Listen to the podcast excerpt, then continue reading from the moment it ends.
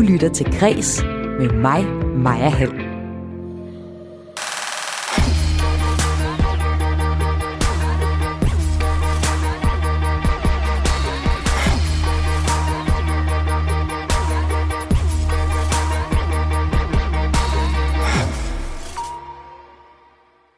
Først var han ret skeptisk. Men nu hilser Randers Teaters direktør Kulturens Analyseinstitut velkommen, hvis det altså er brugerbart og brugernært. Instituttet har været til debat i mange år, men i går kom det frem, at instituttet nu er med i finansloven. Og det er første historie her i dit daglige kulturprogram Kreds på Radio 4, hvor jeg også får besøg af rapperen PDB i portrætserien Stjæl som en kunstner. Han har til sit nye album Lydbror stjålet fra musikeren Jenny Rosander, der går under kunstnernavnet Lydmor, og som er kendt for at lave elektronisk musik. Og i den forbindelse, altså i forbindelsen af, at jeg får besøg af PDB, der får du en verdenspremiere på musikken, der ellers først udkommer fredag. Sidst i udsendelsen, der skal det handle om, at det er et godt år for musicalfilm. I morgen udkommer eksempelvis Steven Spielbergs filmversion af West Side Story. Men øh, trods populariteten er musicalfilm ikke noget, den danske filmbranche tør satse på. Det er simpelthen for dyrt, lyder det fra en filmforsker sidst her i udsendelsen. Mit navn, det er Maja Hall. Velkommen til Kres.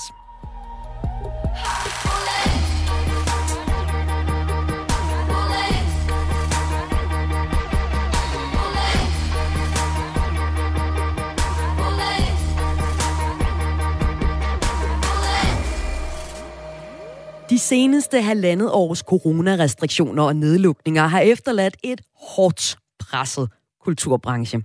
Blandet derfor er der nu behov for mere viden om kulturbranchens vilkår. Det mener i hvert fald det flertal af Folketingets partier, der i går præsenterede en finanslov for det kommende år. De har besluttet sig for at etablere et Kulturens Analyseinstitut, som skal samle og dele viden, data og analyser for hele kulturområdet. Og det er en nyhed, der bliver modtaget med åbne arme fra kulturlivet. Hos Dansk Live, der er interesseorganisationen for spillesteder og festivaler i Danmark, håber sekretariatchef Esben Marker, at Analyseinstituttet kan gøre både kulturlivet og beslutningstagerne klogere på effekterne af kultur og kulturpolitik.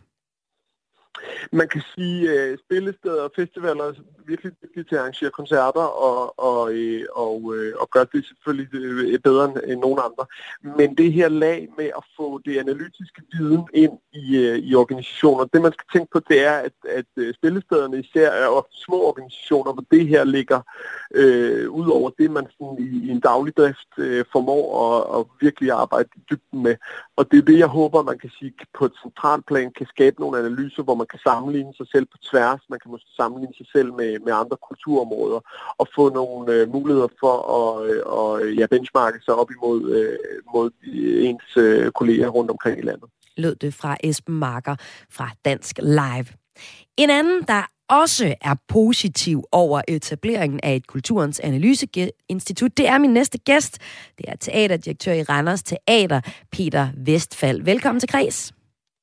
Tak for det. Det var jo ellers sådan, Peter, at øh, tilbage i september, der skrev du et debatindlæg til mediet Kulturmonitor, hvor du var lunken ved ideen om et analyseinstitut. Du skrev blandt andet, vi har ikke brug for flere højtflyvende analyser eller et analyseinstitut uden tilknytning til kulturlivet.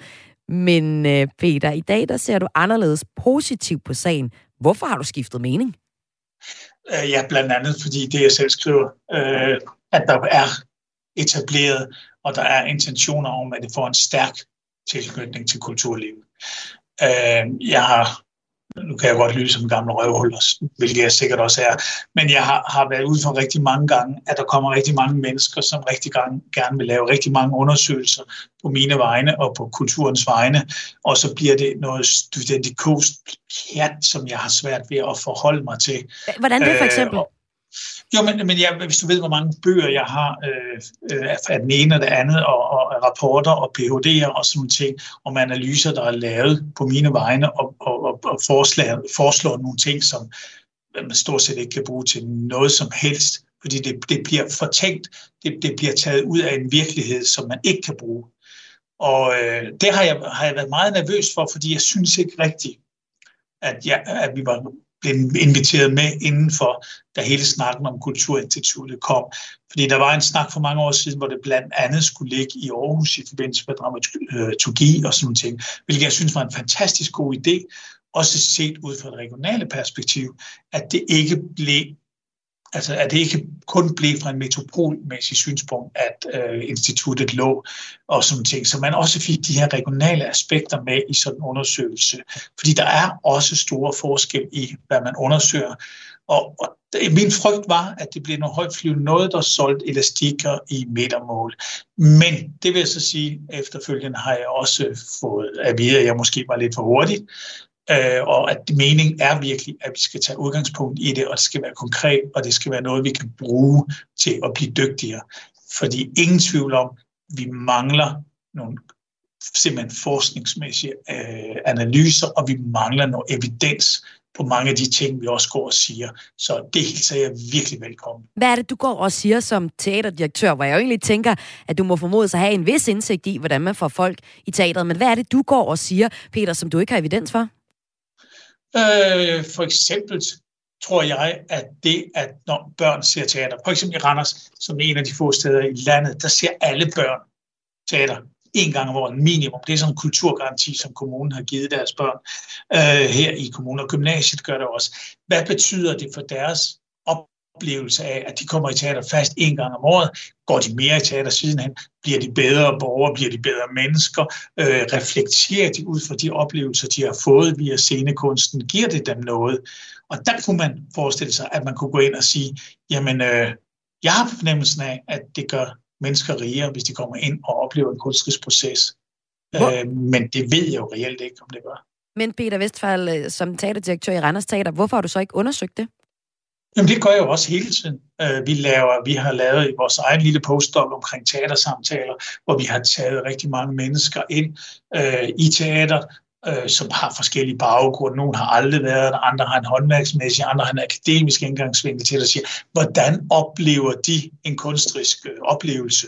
Og det har været utrolig interessant for os at dykke ned i at se, hvad, hvad er det, der sker i mennesker, når de kommer ind i, i, i sådan et underligt rum, som et teater er? Men hvis du selv har lavet analyserne, hvorfor mener du så, at der er behov for Kulturens Analyseinstitut?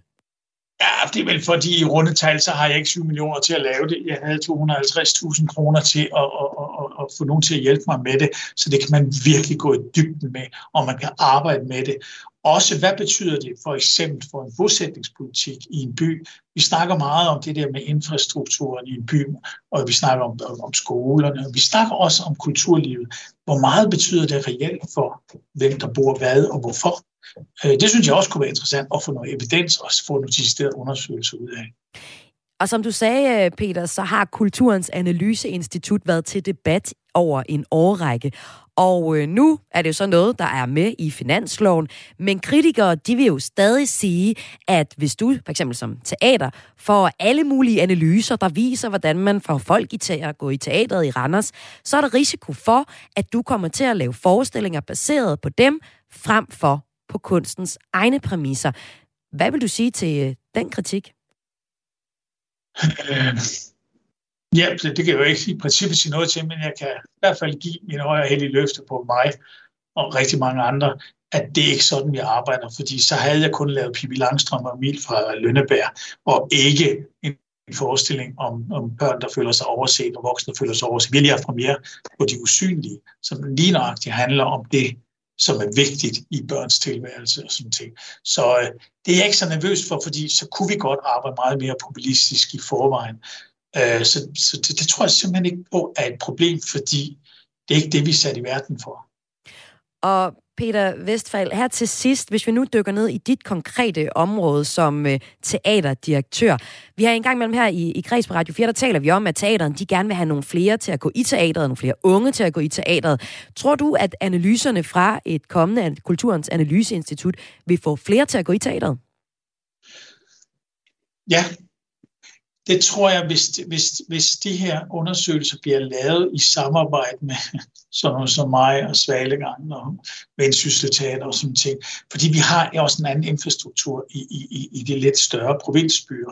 Så hvis, hvis der er nogle ting, som vi godt kunne tænke os at gå dykke ind i omkring segmenter, hvordan når vi publikum, hvordan når vi øh, at skabe en interesse for det, så tror jeg faktisk, at man kan gøre det. Og man skal jo også huske, at der er jo altså også sådan Augustinusfonden er med, og der er rigtig, rigtig mange gode organisationer med i det, og de har lovet mig, at det bliver virkelighedsnært. Så jeg tror, håber på og tror på, at det kommer til at gøre en forskel i fremtiden for scenekunsten. Øh, det tror jeg. Peter Vestfald, teaterdirektør i Randers Teater. Tusind tak, fordi du var med her i Kris. Det var så lidt. Hej.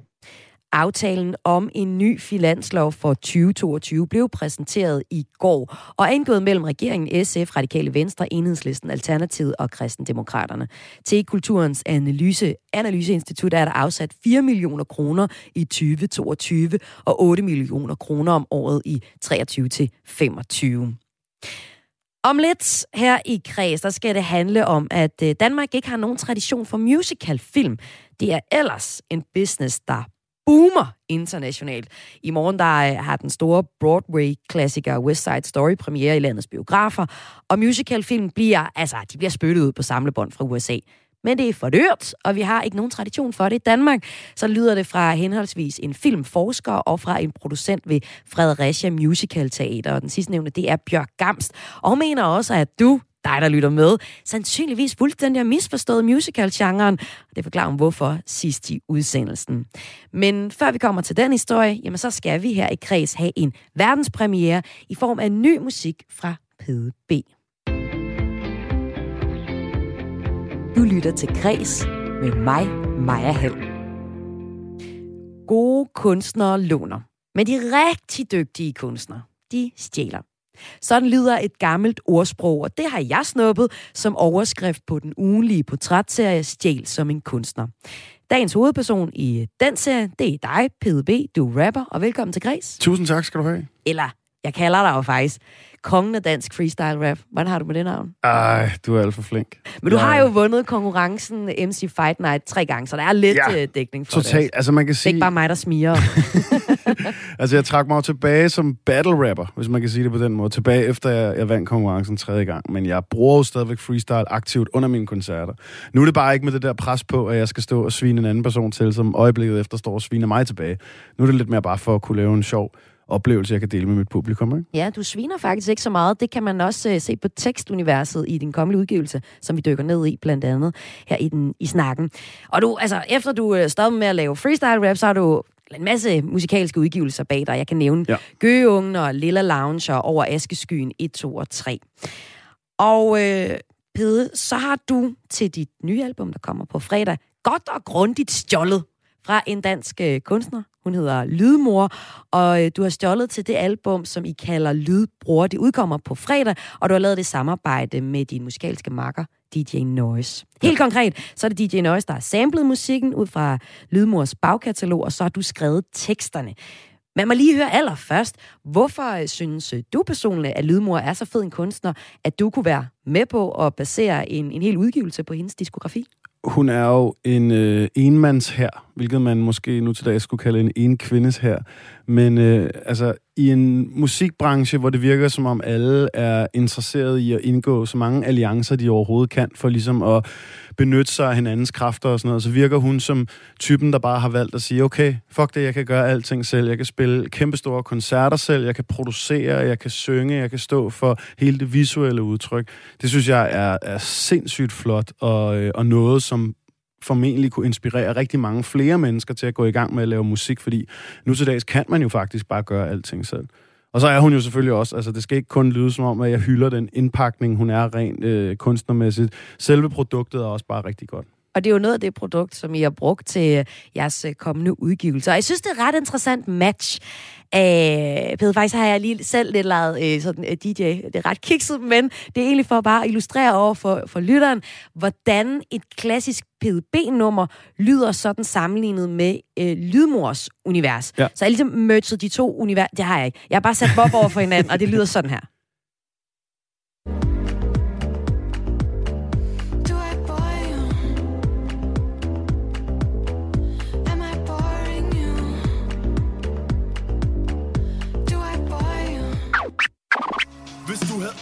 Tilbage som en Nick og Jay-sang Vil du så stene piller eller kæmpe dig frem?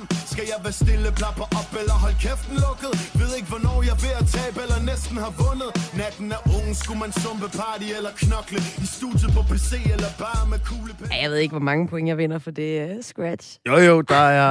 Øh... Først så var det SP eller K for dit nye album, eller det omvendt, sidst var det det, og først så var det uh, I øh, one, jeg tror, jeg har skrevet noget brøvl der, men i hvert fald nummer af Lydmor.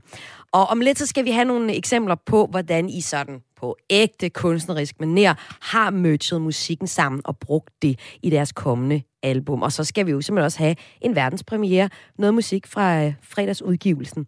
Men øh, før vi kommer til det, så kunne jeg godt tænke mig at høre lidt om baggrunden for værket. Ja. Fordi som jeg synes, man kunne høre på mit frygtelige merch her, det er, at det er to forskellige musikalske universer, der bliver smeltet sammen på øh, jeres øh, album. Og øh, det er jo så også, altså, det er jo faktisk titlen på jeres album, det er Lydbror. En, en fin ja. hilsen også til Lydmor. Jeg ved, at det var din musikalske partner in crime, øh, DJ Noise, der oprindeligt var optaget af Lydmor som kunstner. Hvordan kom du med på det her projekt? Øh, jamen altså, i bund og grund, så kan man jo bare sige, at der er en stor tradition inden for hiphop og rap for ligesom at sample og bruge forskellige stykker musik og skabe ny kunst og kultur ud fra det.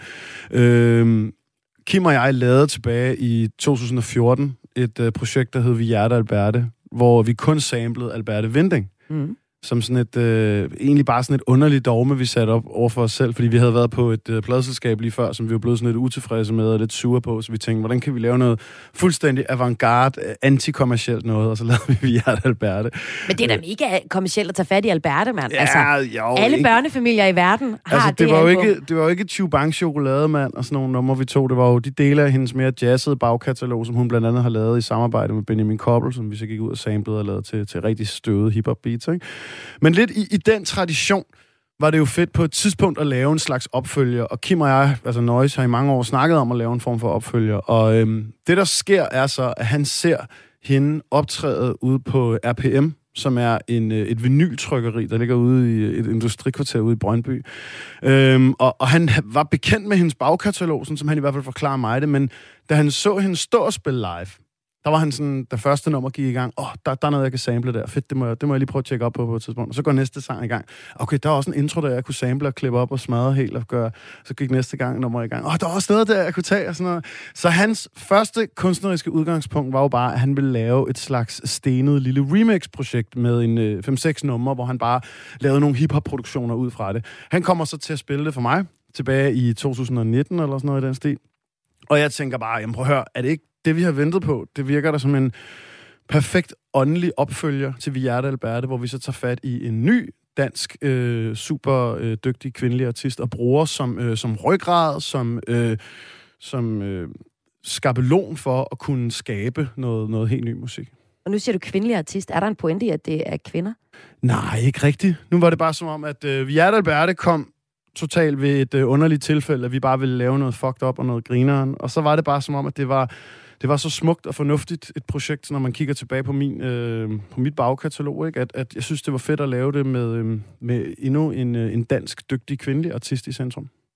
Og nu fortæller du, hvordan DJ Noise øh, stødte på uh, Lydmor, altså en live-optræden for hende, og jeg har også set hende live nogle gange. Det der lyder som en ret intim oplevelse, som ja. øh, han havde. Jeg har set hende på nogle af de øh, store øh, scener, hvor hun øh, for eksempel laver sådan øh, detaljeret lysshow, hvor hun selv ofte er malet i sådan neonmaling mm. på kroppen. Altså hun er virkelig en, der er meget ekspressiv på scenen og giver nogle ekstra lag til musikken, når man oplever hende live går under kunstnernavnet øh, Lydmor, men egentlig hedder hun Jenny Rosander og laver også øh, radio. En hel masse produktioner til, for eksempel, øh, har hun lavet... Øh, hun har til, lige lavet to soundtracks, jo. Lige præcis, for eksempel til Venus-effekten, til en øh, ja. film. Hun har også lavet øh, nummeret Vild til filmen Vildheks. Hun har også lavet musik til teaterstykker, så hun er ret... Øh, hun arbejder i mange genrer. Og det er det, jeg mener med enmands her, ikke? Ja. Altså, hun, øh, hun virkelig formår at omfavne alle de her ting, som jeg også bare synes er en, en fantastisk øh, inspiration for alle unge, der begynder at gerne vil lave musik.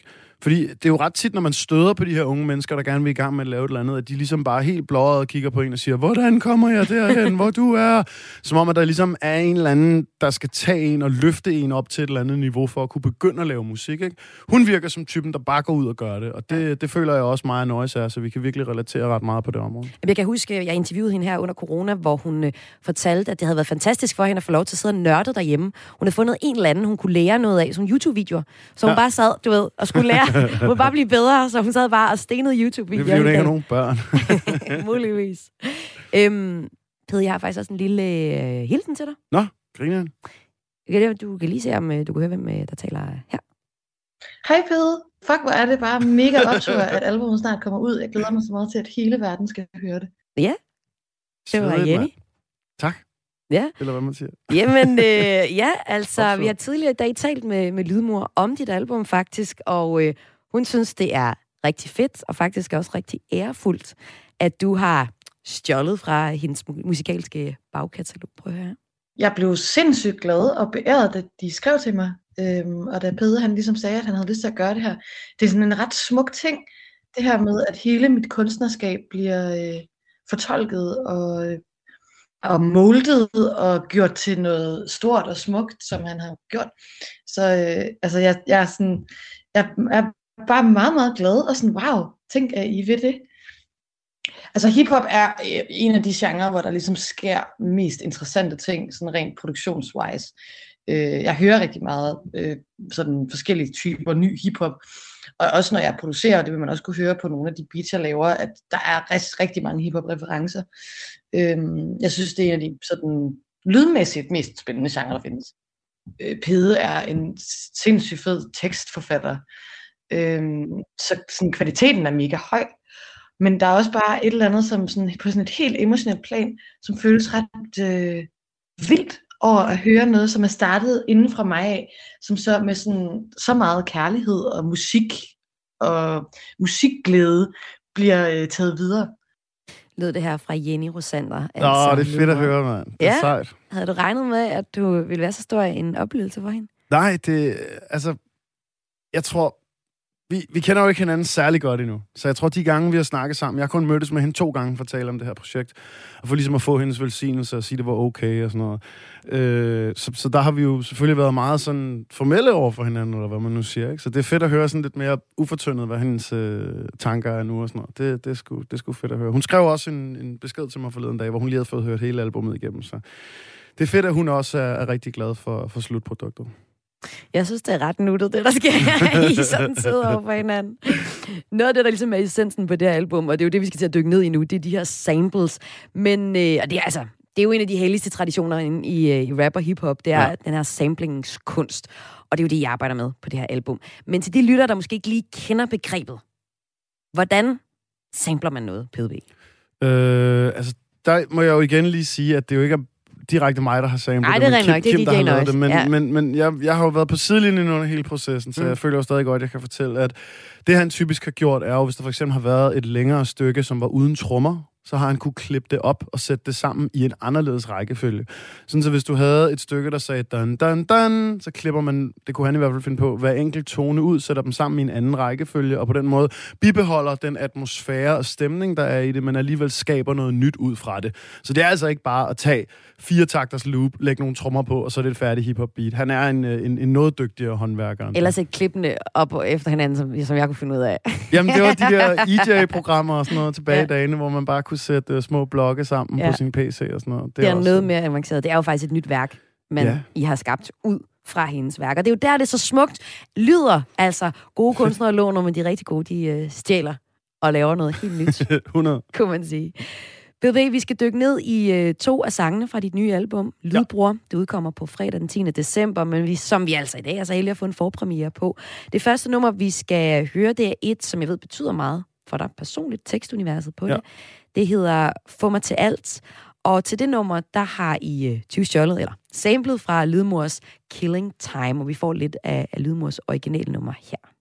So we've been kissed by the morning light Through long confusing dark nights I guess I'm messing with your sleep and I Feel like I lived through a thousand lives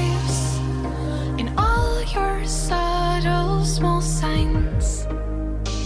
Listening to breathing, reading mostly between the lines.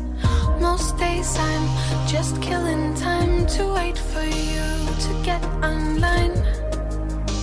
It's become a craving, my favorite time.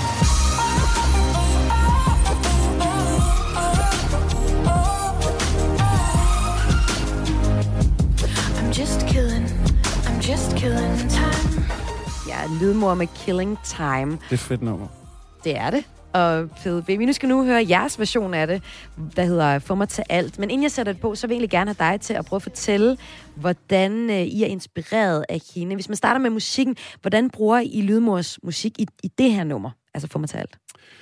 Øh, jamen, jeg føler lidt, vi har været ind over processen før. Altså, det er jo primært Kim, der bare har taget nogle øh, forskellige stykker, og så sat dem sammen på andre måder, og tilsat nogle øh, breakbeat-trummer. Og øh, så er der også nogle forskellige keys på, øh, nogle, nogle keyboards, han har spillet, både elektroniske og nogle vintage-ting, han har stået i sit Så er der øh, også lagt studie. nye- ja, nye og så, der er faktisk også det, et af de to numre på pladen, hvor øh, Jenny også var hos os i studiet og lægge noget ekstra på det, sådan så mm. hun faktisk også øh, lægger noget kor på det, fordi det var sjovt ligesom at få hendes sådan rigtige tilstedeværelse på det, frem for at det bare var øh, på samplesne, ikke? Øhm, og så handler nummeret jo så om, om noget helt andet, men det var fordi, det lige var det, jeg følte mig inspireret til, da jeg hørte hans øh, instrumentalskitse.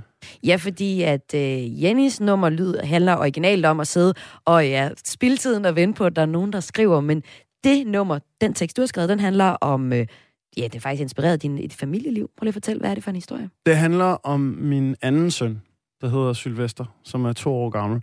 Og øh, jeg, jeg kunne rigtig godt lide på det her album, at hvert nummer skulle have et ret originalt emne, og noget, jeg ikke følte. Jeg måtte ikke have det eneste nummer på den.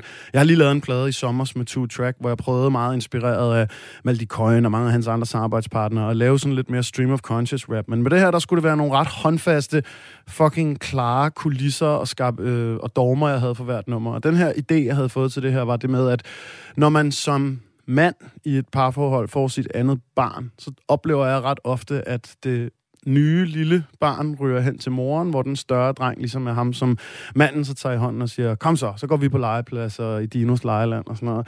Øh, og det gjorde, at jeg følte, der måske på sigt var en lidt større afstand mellem mig og den mindste. Øh, og det synes jeg var, var noget, jeg i hvert fald ikke rigtig havde hørt så mange andre mænd snakke om, men det var noget, jeg fik at vide andre, at de godt kunne ikke genkende til, så det synes jeg, det var interessant at prøve at skrive den om.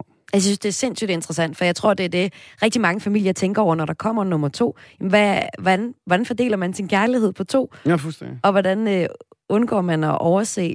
Og så, og så var der også bare noget interessant ved, at øhm, da jeg fik mit første barn for, øh, for syv år siden nu, der, øh, der, der var der meget af min musik, der handlede om det her. Jeg lavede et helt album, der handlede om, at jeg ikke vidste, om jeg var klar til det, og jeg var nervøs for, om jeg kom til at give mine dårlige sider videre til mit barn, og hvordan jeg forsøgte at undgå det, og i talesætte mine dårlige sider, sådan så jeg ikke gjorde det. Og det var som om, så kommer man jo til barn nummer to, og så er man sådan lidt mere, nå ja, det skal nok gå, nu har vi jo prøvet det en gang før, og man skal heller ikke negligere projektet, altså vel? Lad os høre en øh, verdenspremiere nu. Få mig til alt med PDB og DJ Noise. So, so we've been kissed by the morning light through long, confusing dark night. nights. Yeah. I guess I'm messing with your sleep at night. Når man mangler søvn. Igen, igen.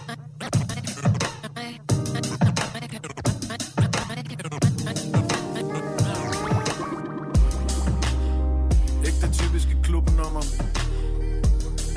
Så skal det være fritidsklubben i hvert fald. Hvem ved? Det kan være, der er nogle voksne derude, der kan relatere til det her. Yeah. Skud ud til Sylle. Yeah. 10 fingre, 10 tær, det fine sær. Små trin hen ad trægulvet, helt militær. Min lille soldat, fars ninja. Turtle power med nunchakuer og pizzaer.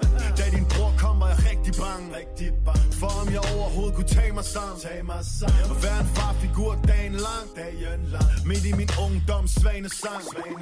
For opgaven er speciel. Når man vil lære et væsen at være et bedre menneske end en selv. Tilgiv mig mine store sønner. Jeg tror jeg har sunde værdier Men et usundt reaktionsmønster. Far old school og verden forandrer sig. Der er sikkert tusind ting, du vil skulle forklare mig. Har nok ikke altid den bedste løsning, hvis du brænder dig. Jeg kan kun love, jeg er der, hvis du mangler mig. Du må aldrig nogensinde glemme Vi vil hjælpe. Altid være der, hvis det galt. Fordi der øjne, de kan få mig til alt. Ja, der øjne, de kan få mig til alt. Du vil aldrig være alene. Hvis du ned og ligge Fik jeg egentlig fortalt de der øjne, de kan få mig til alt Ja, de der øjne, de kan få mig til alt De der øjne, de kunne få mig Helt fra den på sekunder. Det er næsten unfair hold. Glæder mig ikke til du får lært at udnytte til dessert For så er der ingen grænser for snold Men når man får sit andet barn Tror jeg faren godt kan føle at man ikke kan være der helt. Så jeg tog mig nok mest af Karl, mens du sad med din mor. Og så var arbejdet ligesom fordelt. Føler samtidig, at vi godt kunne være tættere. Når jeg ligger på puden, og dagen ender Bliver så fanget af dagligdag og frikadeller. Jeg glemmer at vise det til de mennesker, jeg rigtig elsker. Typisk mig at undervurdere opgaven. Det er som en knude, der vokser i maven. Ikke at være faren, der er afvisende og småknæven Det er din sang, jeg prøver bare at følge tempo og oktaven Du må aldrig men nogensinde glemme Vi vil hjælpe. Altid hvad der, hvis det galt. Fordi der øjne, de kan få mig til alt. Ja, de der øjne, de kan få mig til alt. Du vil aldrig være alene Hvis du neder ligge Fik jeg egentlig fortalt. Ja, de der øjne, de kan få mig til alt. Ja, de der øjne, de kan få mig til alt. Du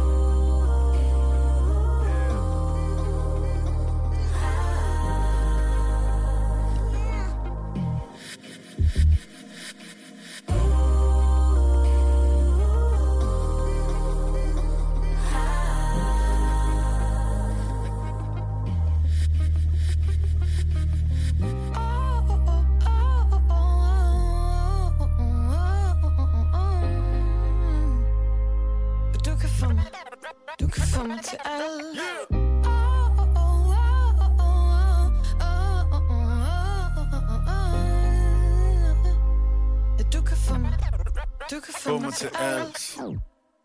Det var så Få mig til alt med PDB og DJ Nøj, så du får lige sådan en her. Hey! Yeah. Yeah, det er min enmands her.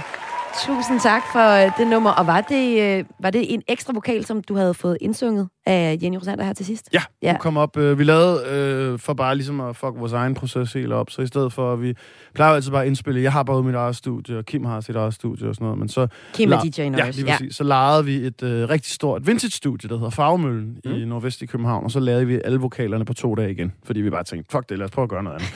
og så kom hun forbi, og sad deroppe og drak kaffe, og hoppede lige med på to numre og lagde noget på dem, så det var super fedt. Og hvad med øh, alle børnestemmerne? Øh, og det er også en skør historie, fordi, prøv at høre, øh, det får jeg først at vide, når vi er oppe i Fagmøllen, hvor jeg lige pludselig bare hører, øh, hvor, hvor, hvor jeg siger til Kim og Adam, Adam er også vores faste samarbejdspartner, Adam Sampler, som også producerer på mange af tingene, og, og også øh, er tekniker og lydtekniker for mig rigtig tit. Mm. Og jeg siger, hvad er det for nogle, hvor, hvorfor har I klippet alt muligt? Jeg troede, det var sådan noget, de havde fundet fra YouTube eller et eller andet. Og så er det min hustru, der har samlet Sylle derhjemme og, og sendt til Kim bag min ryg og smidt på pladen. Så det er faktisk hans øh, stemmer. Det er ægte hans øh, stemmer, der det er vildt, vildt skørt, altså. Det må det være. Og så synes jeg jo, altså nu var vi jo lidt inde på det, altså det er et ret følsomt emne, som du åbner op for i det her øh, nummer. Ja. Og øh, skal vi sige, historisk set har jeg lyst til at sige, så handler hiphop øh, ofte om fest eller hård livsstil, eller, eller vi har jo hørt rigtig meget om, hvordan øh, rapper fortæller om at være på kant med loven. Og det kan jo selvfølgelig være noget med, at du ikke er så meget på kant med loven, PDB, men hvad, har det været vigtigt for dig at åbne op omkring det, hvordan det også kan være at være mand på det Jeg, her t- album? jeg tror bare altid, jeg har været meget ærlig i min musik. Øh, ligegyldigt hvilken, hvilken del eller hvilke aspekter af mit liv, vi snakker om. Øh, jeg tror i bund og grund, sådan lidt min øh, ideologi omkring musik, er, at øh, hvis du har en følelse indvendig, og du er god nok til at formidle den, så kan lytteren få den samme følelse, og så har du gjort dit arbejde rigtigt. Og så kan det sådan set være lige meget, om du er rapper, eller sanger, eller billedkunstner, eller du laver tegneserier, eller hvad ved jeg. Øhm, så, så jeg føler, så længe at man kan bibeholde den der autenticitet, hvor folk kan mærke, at det faktisk er noget, der bliver sagt fra hjertet, og der ikke har siddet en eller anden i et, i et mødelokale på et pladeselskab og sagt, den her sang skal handle om has, eller eller. Mm. så synes Er der jeg, nogen, der sidder og siger sådan noget? Nej, vi, vi joker lidt en gang imellem med det, vi kalder mødelokale hiphop, hvor det virker som om, at der har siddet nogen og bare sådan virkelig planlagt, ej, nu skal vi gøre det her, og vi skal, åh, oh, det der emne, det er lige op i tiden, vi tager det, og det bliver fedt, og vi tager den her artist med, det bliver også fedt, ja, ja helt sikkert. Tror du også, altså når du siger det, er det så også i familie med alt det her gangsterrap, som er blevet så populært, har man lyst til at sige, hvor vi har jo diskuteret rigtig meget også her på Kreds ja. med gæster om, om hvordan, hvilken rolle pladeselskaberne spiller i forhold til at promovere øh, gangsterrap-musik, hvor det tit, altså hvor vi i musikvideoerne for eksempel ser ægte gangster mm. at være med og promovere det til et ungt publikum. Ja, altså jeg, jeg, jeg synes ikke, at de øh, tager deres ansvar alvorligt nok, hvis jeg skal være ærlig.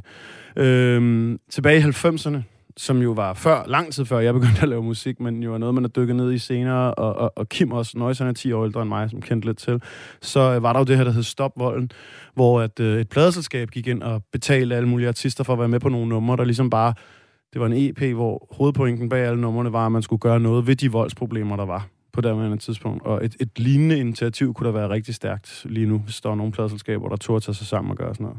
Men når vi taler med pladeselskaberne, så siger de jo selv, at de øh, promoverer den musik for kunstens skyld. Jamen, det er også det lettest, ikke? det, kan sige. det er ikke mig, der siger det, men nej, det er pladeselskaberne, der, der ser og, og fortæller om et miljø, der også er realistisk. Jamen, det, og prøv, og prøv, det skal man også. ægte. Men jeg synes bare, at... Fordi det synes jeg er helt fair. Jeg synes, det er så cool at sige, øh, hey, vi, øh, vi laver tingene ufiltreret, men du tjener også bare ret mange penge på det så kunne du jo godt bruge noget af den indtægt til for eksempel at, øh, at gavne de her konflikter, eller de ting, som, som udspiller sig rigtig ofte lige nu. PDB, vi skal have et øh, eksempel mere på, hvordan du har stjålet fra, eller hvordan du, dig og DJ Nøjes, har stjålet fra uh, Lydmor til jeres uh, kommende udgivelse Lydbror. Det drejer sig om det tekstmæssige, hvor der særligt er et bestemt ord, du har taget udgangspunkt i. Hvis vi starter med at høre lidt af Lydmors uh, originale bridge, så er det ordet complicated, som dig, der lytter med, skal lytte efter nu. He swims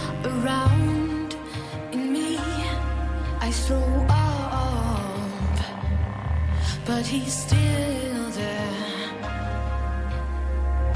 A steady pressing in the middle of my chest. I'd give everything I had to come up for air. Love's not usually this complicated, she said. Ja, her kom det altså complicated, synger Lydmor, altså kompliceret. Og det har du så øh, skrevet øh, teksten til nummeret på den anden side, som er den anden verdenspremiere, vi har lige lidt for her i Kreds på Radio 4. Hvordan er du inspireret af Lydmor til det nummer? Øh, jamen, i den lille samplebid, hvor hun siger complicated, ligger en del af det, som Kim han samplede, altså Noise, til at lave den her produktion, som han så præsenterede for mig. Og jeg synes, der var en interessant tanke i det der med, at øh, vi måske lidt lever i en Facebook-diskussionstid lige nu, hvor at vi alle sammen jagter nogle absolute sandheder, i stedet for at snakke om, at ting kan være komplicerede, og der kan være flere rigtige sider af det. Så jeg prøvede at skrive to vers, ud fra netop den tankegang, hvor jeg kom med to forskellige eksempler, hvor at min idé, mit dogme til det var, at jeg ville prøve at argumentere for noget, halvdelen af verset, og så ville jeg vente om at argumentere for det komplet modsatte i den anden halvdel af verset. Og min gode gamle ven og sparringspartner Fem Dob, som faktisk var en af dem, der lærte mig at rappe helt tilbage i dagene, han har så også et vers, der handler om hans forhold til penge gennem livet, mens mine to vers, de handler om, hvordan man bedst bekæmper fascisme, og så er noget så øh, håndgribeligt som cannabis. Jamen, øh, lad os høre det her til sidst, og sige tusind tak, fordi du var med. Det var en fornøjelse. Til allersidst, vi skal høre, det er altså på den anden side. Og øh, ja, hvis man gerne vil høre PDV, så er der koncert i Storvirke den 18. marts, og ellers Lige er der jo musik, der kommer ud på fredag. Men øh, før det, så får vi jo altså en verdenspremiere på den anden side, lige her i din radio.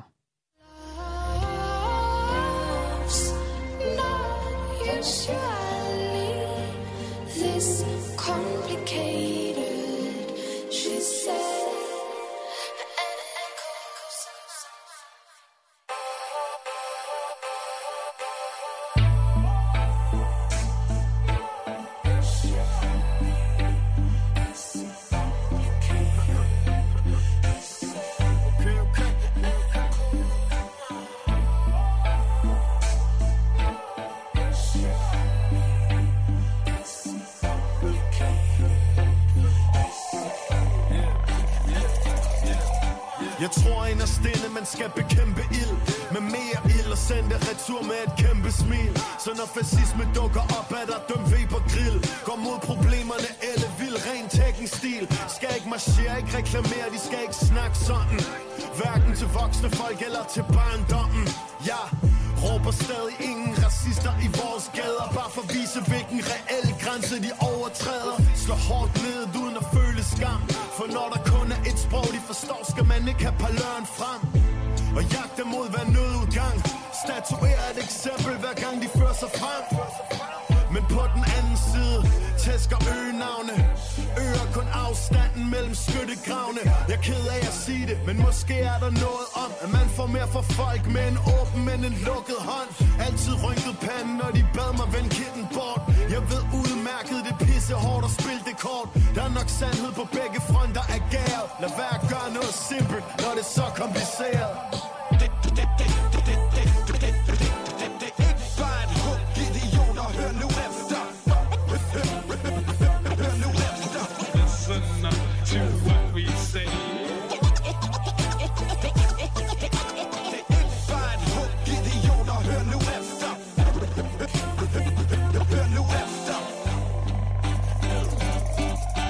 der er ingenting som penge Men alle ved det er virkelig kompliceret.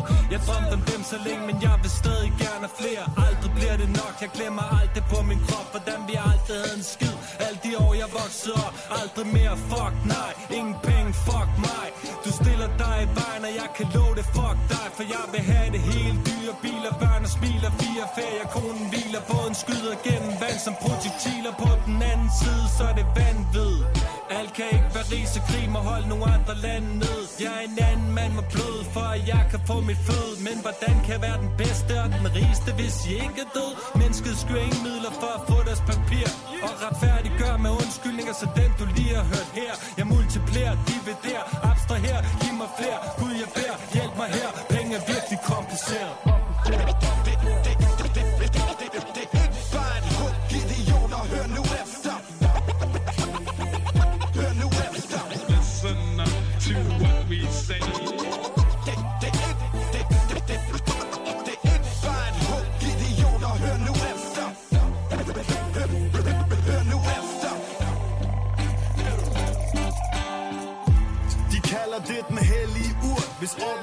ordensmagten ser dig med den, skal du væk i en spurt. Temmelig surt, for det Guds gave. Gør dig til en snuvrev Legalisering af hver udgave er noget, vi burde kræve. Jeg mener, tager det mest hissige skarn. Fra ildebrand til blid som et lam Lige med det samme. Logik for et lille barn. Er det slet ikke kommer op på siden af faren? Hver folk drikker sig mega lam.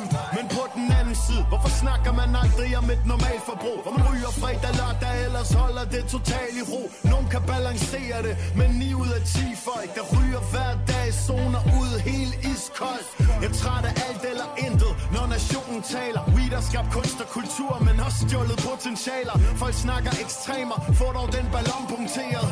For verden er alt for kompliceret.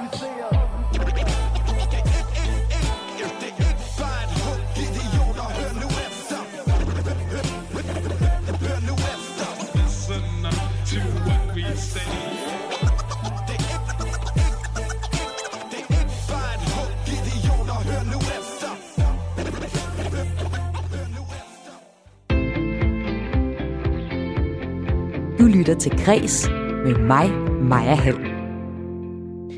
For uden streamingtjenesterne er der alene i år tre store premiere på musicalfilm i biograferne.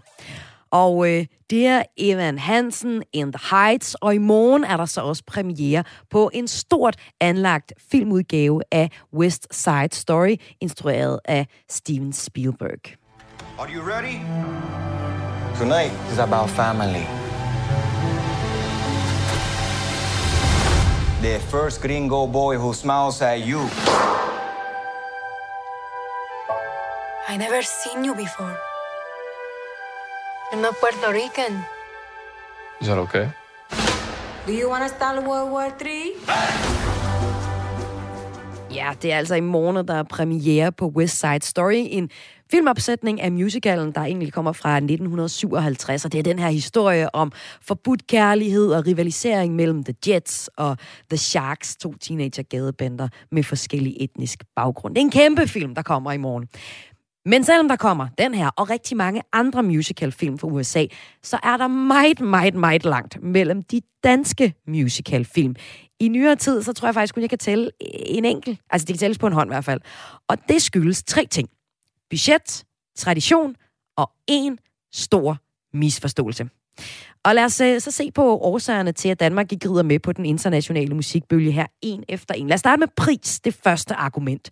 Filmforsker og lektor emeritus på Københavns Universitet, Peter Schrebeland, fortæller, hvordan det er svært for danske filmproducenter at overbevise sig selv om, at en dansk musicalfilm er en fremragende idé, fordi det er dyrt. Musicalfilm kræver simpelthen rigtig, rigtig, rigtig, rigtig, rigtig mange penge, siger Peter og mange øh, mere realistiske film, hvor du ligesom har nogle mennesker, der sidder om et spisebord og drikker en kop kaffe og snakker om, om tingene. Det, det er jo selvfølgelig meget lettere end at lave store scener med kompliceret teknik og koreografi. Så den store musical, jamen, det, det er en, en dyr og kompleks genre, og derfor så er det måske noget, når der ligesom ikke rigtig er nogen traditioner og oplagte ting, der banker på og siger, at ah, det, det må laves. Man kunne selvfølgelig forestille sig, at, at dansk skrevne teatermusical, som har haft succes, og så nogen findes der jo bestemt, at man kunne sige, jamen hvorfor går de ikke videre til filmen? Jamen det ville være rigtig dyrt at lave sådan en, en stor teateragtig musicalfilm på dansk basis, og samtidig vil man tænke, kan det eksporteres? Kan man tænke sig det? Nej, for hvis der synges på dansk, så er det ikke så tænkeligt, at en eller anden stor musical opsætning, at det, at det vil virke i internationalt.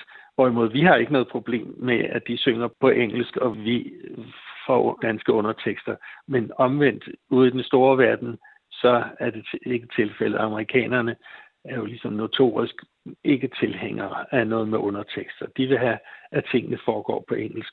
Så på den måde kan man sige, jamen det, det er ikke en genre, mm, der er særlig fristende for danske filmproducenter at sige, åh, jamen det, det må vi da prøve. Vi må, vi må gå, gå ind på det store marked og se, om vi ikke kan lave noget, der, der svarer til de, de store øh, succeser, som kommer fra Amerika sagde her Peter Schibel filmforsker og lektor emeritus på Københavns Universitet, om den første grund til, at der ikke rigtig findes nogen danske musical-film.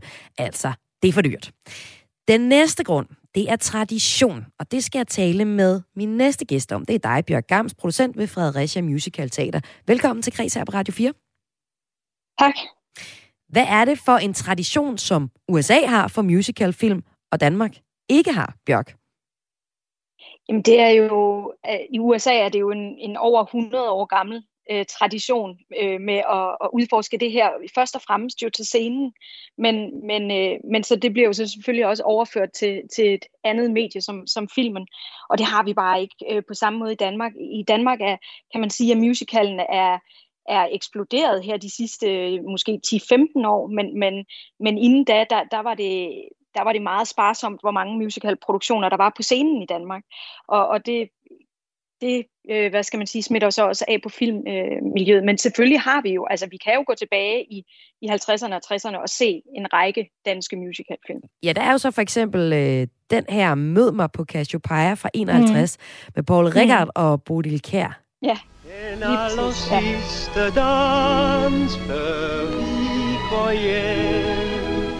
solen og en ny dag bryder frem. Endnu er du mig nær, endnu er natten går, og yndig er den sidste vals den aller sidste dans. Altså, det er virkelig sådan noget, jeg forbinder med dansk musicalfilm, hvor vi jo altså havde en storhedstid i 50'erne og 60'erne. Men øh, ja. den er jo ikke rigtig fortsat, og man kunne jo se på, at rigtig mange musicalfilm i øh, USA, de starter på Broadway. Og vi har jo også en scenekunstkultur hos jer, Fredericia Musical Teater, men den er måske bare ikke stor nok til, at det kan blive øh, til film. Eller hvad, Bjørk? Ej, men det handler også om selvfølgelig, at, at vi også ofte har importeret øh, mange musicals øh, fra, fra USA eller England, og, og det er også først en nyere ting, at man langsomt begynder, og det er stadigvæk noget, vi skal have udviklet i Danmark, det her med at skrive vores egne musicals. Ja. Og så længe det, hvad skal man sige, den kultur ikke er større, så bliver det jo også svært at, at udvide det til også til filmmarkedet. Øhm, så, så det handler simpelthen også om, at, at vi jo mangler øh, flere, der skriver de her musicals, både komponister, men også øh, tekst, altså dem, der skriver manuskripterne for den sags skyld. Ikke? Ja, er der egentlig Så- så nogle har- har... danske musicals hos, øh, hos jer i nærmeste fremtid, som kunne blive til film? Nej, vi har ikke en, øh, en øh, dansk musical på, på plakaten øh, lige, øh, lige forløbig, men, øh, men teateret arbejder selvfølgelig med og skal, skal udvikle til fremtiden. Øh, men nu er teateret selvfølgelig nyopstartet øh, efter det gamle Fredericia Teater, der gik konkurs, som jo også udviklede danske musicals, såsom Shubidua og Sebak, øh, som er nogle af de større øh, succeser af nye danske ting øh, i løbet af de sidste, de sidste 10 år. Så der er jo også eksempler på, at det kunne blive til film. Og tror du på, at det, det kan blive Mm. det sådan i den, i den nærmeste fremtid? At vi kan få nogle danske musicalfilm? Øhm, nej, men øh, som, som vi jo også lige hørte øh, fra, fra filmeksperten, Ja. så er det jo det her med de, de, store, de store udstyrsstykker, som for eksempel en ting som Sebak og, og Shubidua også var, det er simpelthen dyrt at lave. Ja. Øhm, og, og, og så er det det her med, så skal vi nok øh, over og udvikle, og, og nu er jeg ikke filmekspert, men jeg kan jo også godt se, at siden dogmefilmene kom i 90'erne, at så er den danske filmbranche gået meget i den her øh, socialrealisme og øh, de her netop, øh, som han også sagde, film, hvor vi sidder rundt om et, et kaffebord og taler om, hvordan vi har det. Ja. Og det er der jo mange, der ikke forbinder med, øh, med musical. Øh, det synes jeg jo så er helt forkert, fordi jeg mener jo, at musical kan være hvad som helst. Jamen men, lad os så men- komme med, med den pointe også, Bjørk, fordi nu vi snakket om årsagen til, at der ikke er nogen musical-film i Danmark, men det er kæmpestort i ja. for eksempel USA. Jamen det er, det er for dyrt, og vi har ikke særlig meget tradition for det. Og den sidste pointe, den står så for 100% for din egen regning. Du mener simpelthen, at danskerne, de har fuldstændig misfornået, misforstået noget i forhold til musicals i det hele taget. Hvad er det, vi i Danmark har misforstået om musicals, Bjørk? Jamen, det er jo øh, og, og helt naturligt øh, forstået det her med, at vi tror, at musical kun er, er de her store show-forestillinger, øh, og som ofte måske har nogle lidt lettere te- tematikker. Jeg, jeg kunne og- spille for eksempel det her, ikke?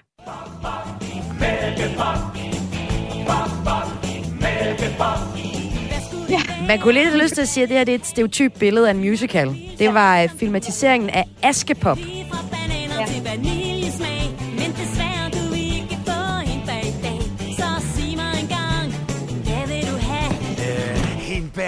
Er du dum, eller hvad? Ja, det øh, er fra 2003, og det er filmatiseringen altså af musicalen Askepop med Sofie Lassen Kalke og Karl Bille i, øh, i rollerne. Og det er måske det her rigtig mange tænker, når de tænker øh, dansk musicalfilm inden for nyere tid. Men Ja, der er altså også meget andet at, at, at, have, at trække referencerne på, mener du? Jamen, det er der nemlig, altså fordi man kan, i England har man for eksempel lavet en musical, der hedder London Road, øhm, som er lavet på spoken word, det vil sige, at de faktisk taler på musik. Og den handler om, øh, om en række mord, der skete på prostituerede på en gade, og hvordan dem, der så bor på gaden, øh, forholder sig til hele den her opklaringsproces. Det vil sige, det er jo meget mere et tema, som lyder som et tema, der kunne være en dansk film øh, anno øh, 2021 for den sags skyld. Øhm, et andet eksempel, øh, som er et, et mere dansk eksempel, selvom at den er på engelsk, er jo Dancer in the Dark af, af vores allesammens øh, øh, von Trier. Og Bjørk, som vi kan lige høre det her. Ja. Ja, lad os høre det. I've seen it all. I have seen the trees. I have seen the willow leaves dancing in the Ja, det er noget andet end Askepop, må man sige. det må man sige. Så altså, jeg prøver jo at, at komme igennem med det her med, at musical kan jo være både hvilken som helst musikgenre, men sådan Mm. set også hvilken som helst øh, genre inden for, for skuespil. Øhm, og, og også, at det behøver ikke at være øh, et cast på 30, 40, 100 mennesker, eller hvad der nu kan være med i øh, en film som måske West Side Story. Men det kunne for den sags skyld være en, en to-personers øh, historie, der blev fortalt på også på film eller på scene. Ikke? Øhm, så, så jeg tror også meget, at det bunder i, at vi simpelthen har et, øh, et helt naturligt forvrænget billede af, hvad, hvad er en musical. Bjørk Gamst, Tusind tak, fordi du var med her i Græs. Selv tak. Bjørk er altså producent ved øh, Fredericia Musical Teater. Og øh, nu taler vi om musical i dag, og i morgen, der kommer Steven Spielbergs West Side Story, der har premiere i øh, Danmark i morgen. Det er ikke den sidste stort anlagte Hollywood øh, musical-film, der er på tegnebrættet. En filmatisering af Broadway mus- øh, musicalen Wicked går også i gang næste år med Ariana Grande i hovedrollen. Wicked er i øvrigt en musical baseret på øh, filmen The Wizard of Oz. Så der kommer en film baseret på en musical, som er baseret på en film til næste år. Det her, det var øh, alt for kreds for den her omgang. Programmet var tilrettelagt af Line Grønborg Poulsen og Toge Gribing og Søren Berggren. Og mit navn, det er Maja Hall, og jeg har været din vært de sidste 55 minutter. Det er jeg igen i morgen, hvor jeg tænder op for en ny omgang kreds, og det gør jeg som altid klokken 14.05 og frem til 15.00. Og hvis du ikke kan vente så længe, så kan du finde programmet som podcast. Det kan du fx finde på Radio 4's øh, podcast-app.